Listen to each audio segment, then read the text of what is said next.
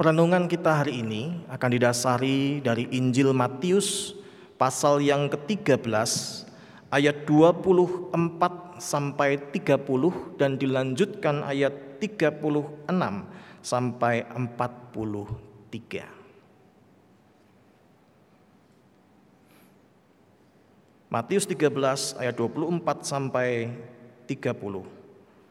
36 sampai 43.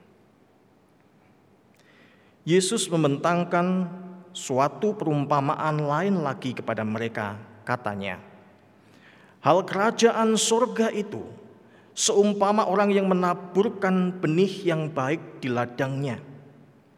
Tetapi pada waktu semua orang tidur, datanglah musuhnya menaburkan benih lalang di antara gandum itu, lalu pergi.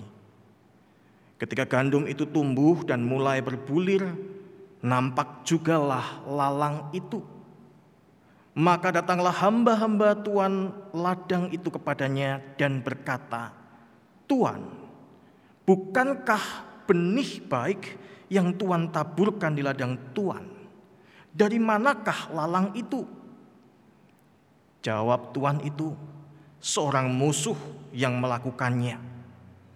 Lalu berkatalah hamba-hamba itu kepadanya, jadi maukah Tuhan supaya kami pergi mencabut lalang itu? Tetapi ia berkata, jangan. Sebab mungkin gandum itu ikut tercabut pada waktu kamu mencabut lalang itu. Biarkanlah keduanya tumbuh bersama sampai waktu menuai.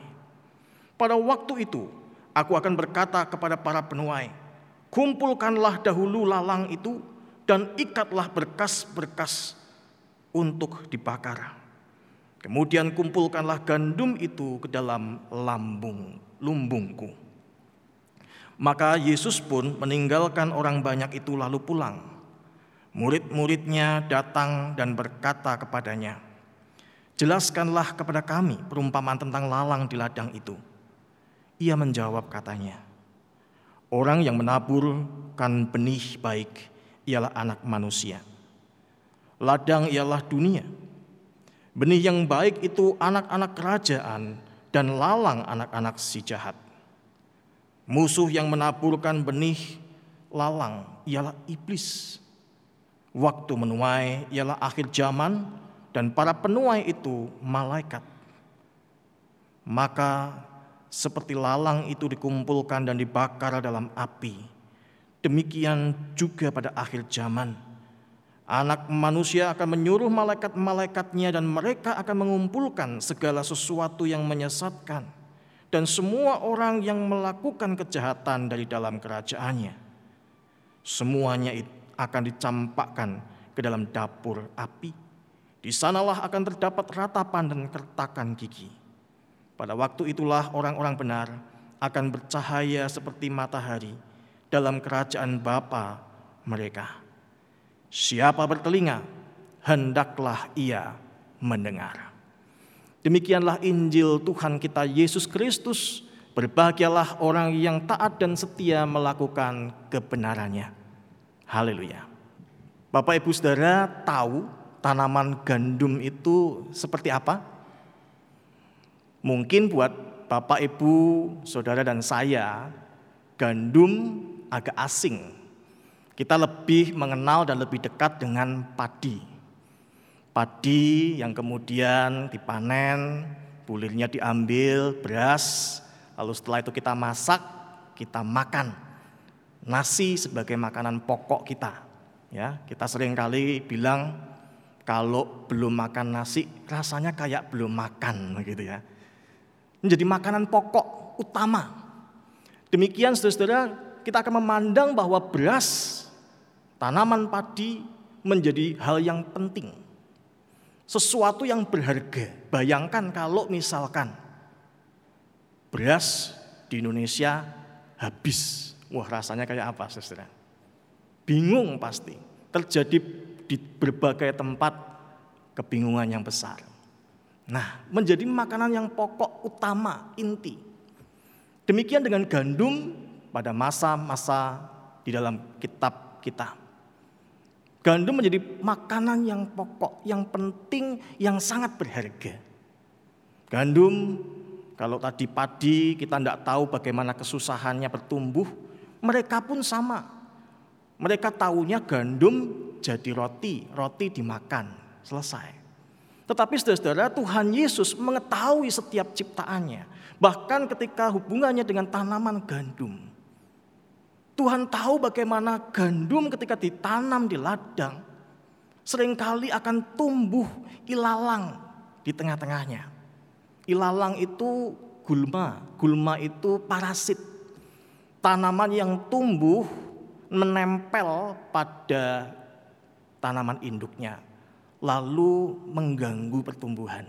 Nah, gandum selalu tumbuh bersama-sama dengan ilalang.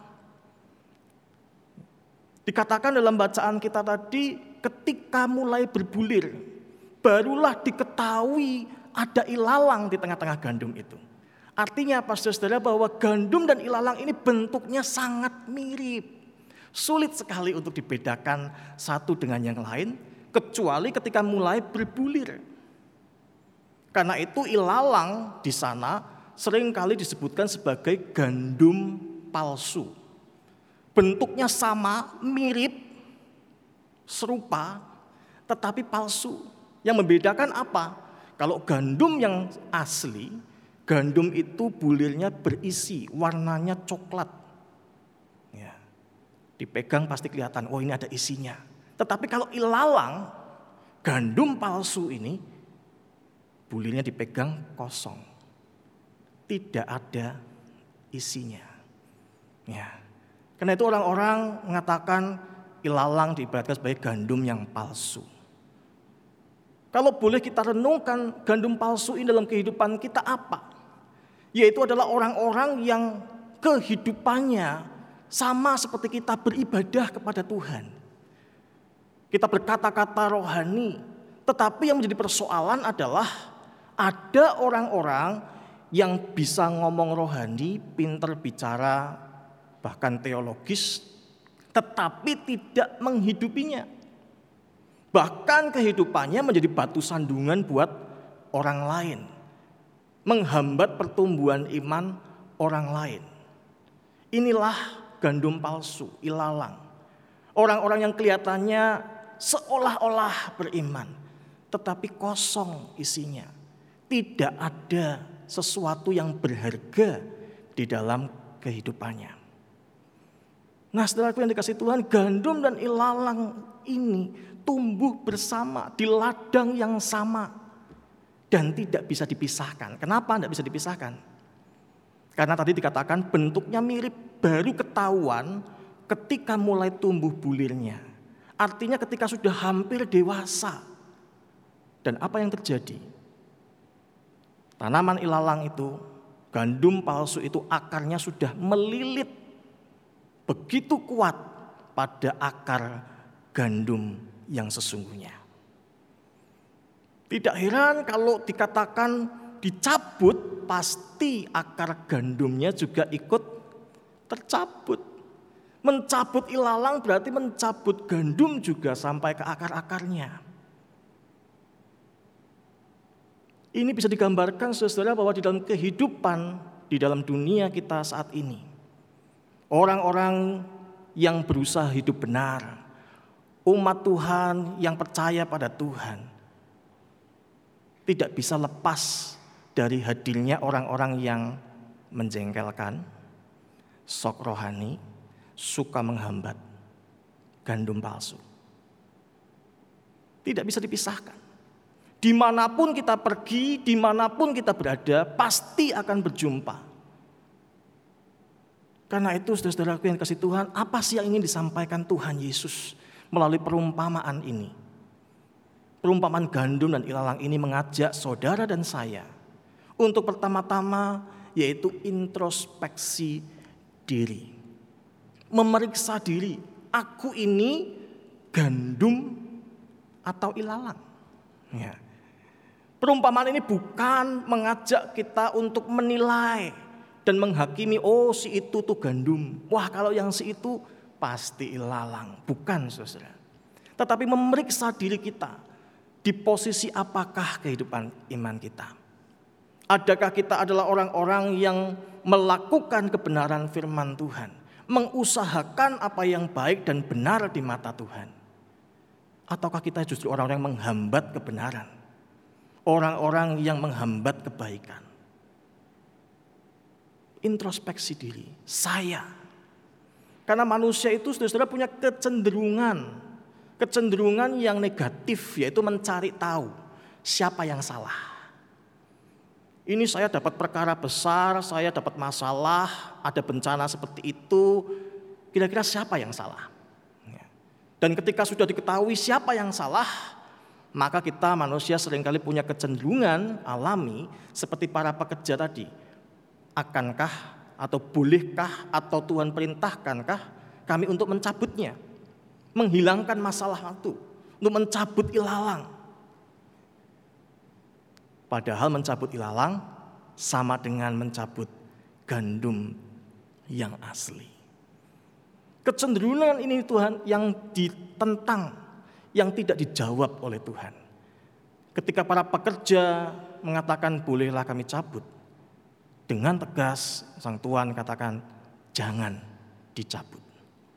Perumpamaan ini mau mengajarkan bahwa Tuhan menghendaki kita bukan untuk menghakimi. Kenapa? Karena menghakimi atau bahkan mendendam, mencoba menghukum orang yang bersalah dengan cara kita itu bisa melukai orang lain. Misalkan contohnya, ya saya melihat ada orang yang tidak benar, tidak baik di tengah-tengah kehidupan jemaat misalkan. Lalu ketika saya tahu nih orang punya niat yang buruk, saya berusaha menjatuhkan. Saya berusaha untuk ngomong jeleknya terus. Saya menjelek-jelekan dia, mencoba menjegal dia. Lalu apa yang dilihat oleh orang lain? Waduh, Pak Lukas kok kayak gitu ya? Emangnya orangnya salah apa ya? Kok sampai diperlakukan seperti itu? Nah si gandum yang tidak ngerti apa-apa ini bisa ikut kecewa dan tercabut ketika kita ingin menyingkirkan ilalang. Ya, bukan berarti saudara-saudara kita membiarkan hal-hal yang buruk terjadi. Kita membiarkan kejahatan terjadi. Bukan. Kita boleh menegur orang yang bersalah kita boleh mengingatkan orang yang melakukan kejahatan.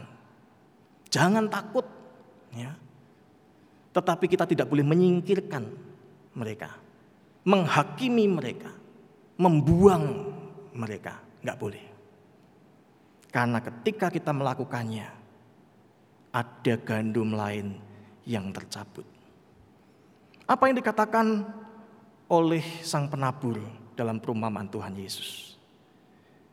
Ia katakan, biarkanlah mereka tumbuh bersama.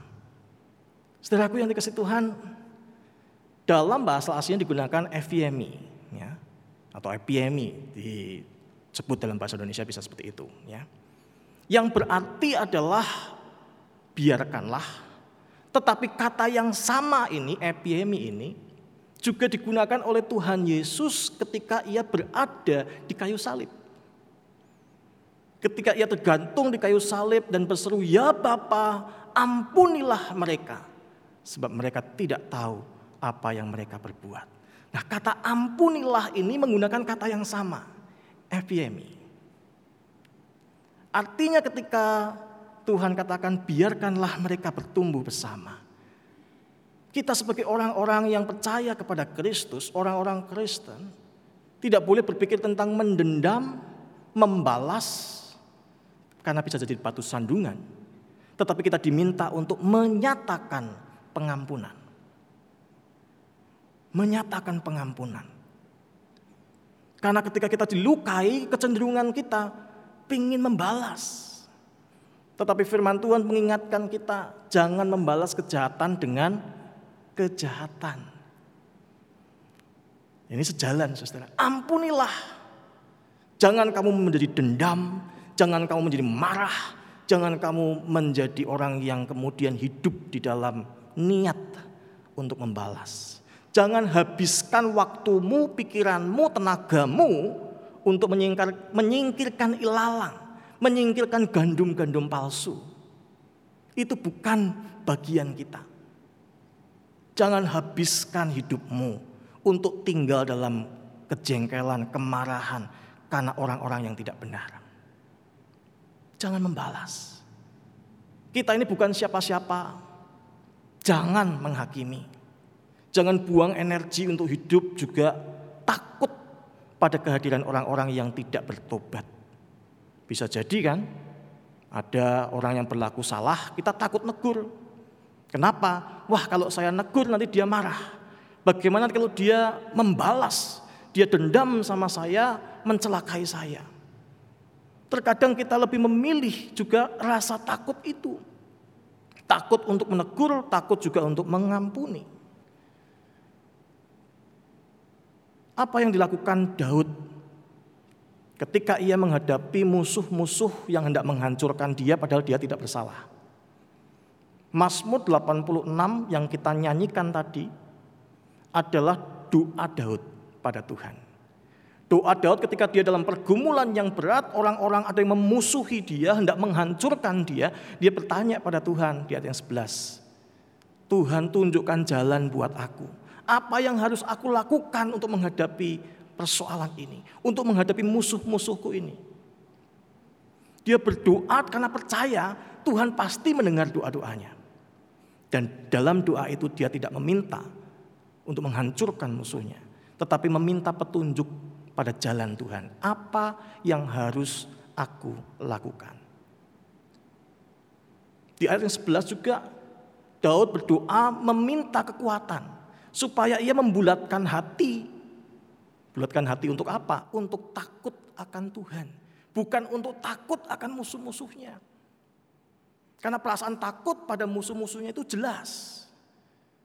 Tetapi dia berdoa, Tuhan bulatkan hatiku supaya hatiku ini hanya takut akan Tuhan. Sehingga saya tidak mengambil tindakan berdasarkan rasa takut saya pada orang lain. Tetapi mengambil tindakan berdasarkan takut akan Tuhan. Melakukan apa yang Tuhan inginkan. Lebih utama dari yang lain. Di ayat yang ke-11 doa Daud juga mengatakan ia bersandar pada pembelaan dan pertolongan Tuhan. Bukan pada kekuatannya sendiri. Bukan pada kemampuannya sendiri. Dan apa yang terjadi kita tahu bagaimana perjalanan kehidupan Daud. Dia selalu lepas dari tangan musuh-musuhnya. Tuhan selalu menunjukkan betapa pertolongan Tuhan pada Daud menjadi sangat nyata. Itu cara hidup Daud. Karena itu sejalan dengan nasihat surat Roma pasal 8 ayat 12 sampai 25 kalau kita membaca leksionari hari ini. Dikatakan di sana sebagai anak-anak Allah, jangan kamu dipimpin oleh rasa takutmu, diperbudak oleh rasa takutmu, tapi hiduplah dipimpin oleh roh Allah. Karena kamu adalah anak Allah. Tegas sekali. Kamu adalah anak Allah. Karena itu hiduplah dipimpin roh. Bukan oleh rasa takut pada musuh-musuh. Pada orang-orang yang hendak menghancurkan engkau. Kita diajak dalam surat Roma ini dinasehatkan untuk hidup dalam pengharapan. Artinya bahwa ketika kita menghadapi persoalan mungkin kita menghadapi dengan sangat berat, kesulitan luar biasa. Tapi kita punya satu pengharapan, yaitu janji Tuhan akan penyertaan dan pertolongan Tuhan. Jangan beri tempat pada rasa takut. Fokuslah pada pertumbuhanmu. Itu yang juga disampaikan dalam perumpamaan gandum dan ilalang. Ketika Tuhan berkata, biarkanlah mereka bertumbuh bersama. Itu fokus kita. Tumbuh bersama. Walaupun kita ditekan, walaupun mungkin kita dimusuh, walaupun mungkin kita dihambat, tapi teruslah bertumbuh menjadi gandum yang berharga, menjadi gandum yang berisi, menjadi gandum yang bermanfaat. Ya. Memang tidak nyaman, saudara. Dicurigai, dimusuhi, dibenci, difitnah bahkan itu biasa dalam kehidupan kita sebagai umat Tuhan. Dicela walaupun kita melakukan apa yang baik. Terkadang itu membuat kita takut untuk berbuat baik, gentar untuk bertindak sesuatu. Tetapi hari ini kita diingatkan akan janji Tuhan bahwa Tuhan dapat membedakan Tuhan tahu mana yang gandum, mana yang ilalang. Tuhan akan berkata kepada malaikat-malaikatnya. Pada waktunya nanti ketika musim panen tiba. Maka gandum dan gandum yang palsu akan dipisahkan. Gandum yang asli akan disimpan dalam lumbung Allah. Akan masuk dalam kerajaan Tuhan. Tetapi ilalang, gandum palsu akan dihukum dan dibakar. Itu janji Tuhan yang Tuhan berikan pada kita. Tuhan tahu mana yang benar dan mana yang salah. Tuhan tahu apakah hidupmu gandum ataupun ada ilalang di sekitarmu. Tuhan tahu bagaimana ia akan menyelamatkan saudara dan saya. Karena itu saudaraku yang, yang dikasihi Tuhan, tumbuhlah terus dalam kebenaran firman Tuhan. Pegang janji Tuhan bahwa hidupmu ada di tangan Tuhan. Kita diingatkan ketika Tuhan juga berkata, biarkanlah mereka hidup bersama. Piye itu ya? Masa suruh hidup bersama-sama dengan mereka yang jahat, dengan mereka yang mencelakai, dengan mereka yang tidak berlaku baik.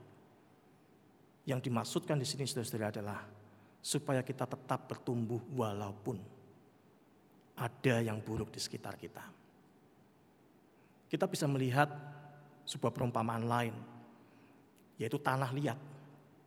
Tanah liat itu kalau kita beli mungkin harganya tidak terlalu mahal. Tetapi ketika tanah liat itu kemudian dibersihkan, ya dibentuk, dipukul-pukul, lalu dibentuk menjadi sebuah penjunan begitu, lalu dibakar di api yang panas, dia menderita, sakit tentunya. Kalau punya perasaan pasti bisa teriak begitu ya. Tetapi ketika selesai, dia akan menjadi keramik, bisa menjadi bahan yang sangat indah dan bernilai tinggi.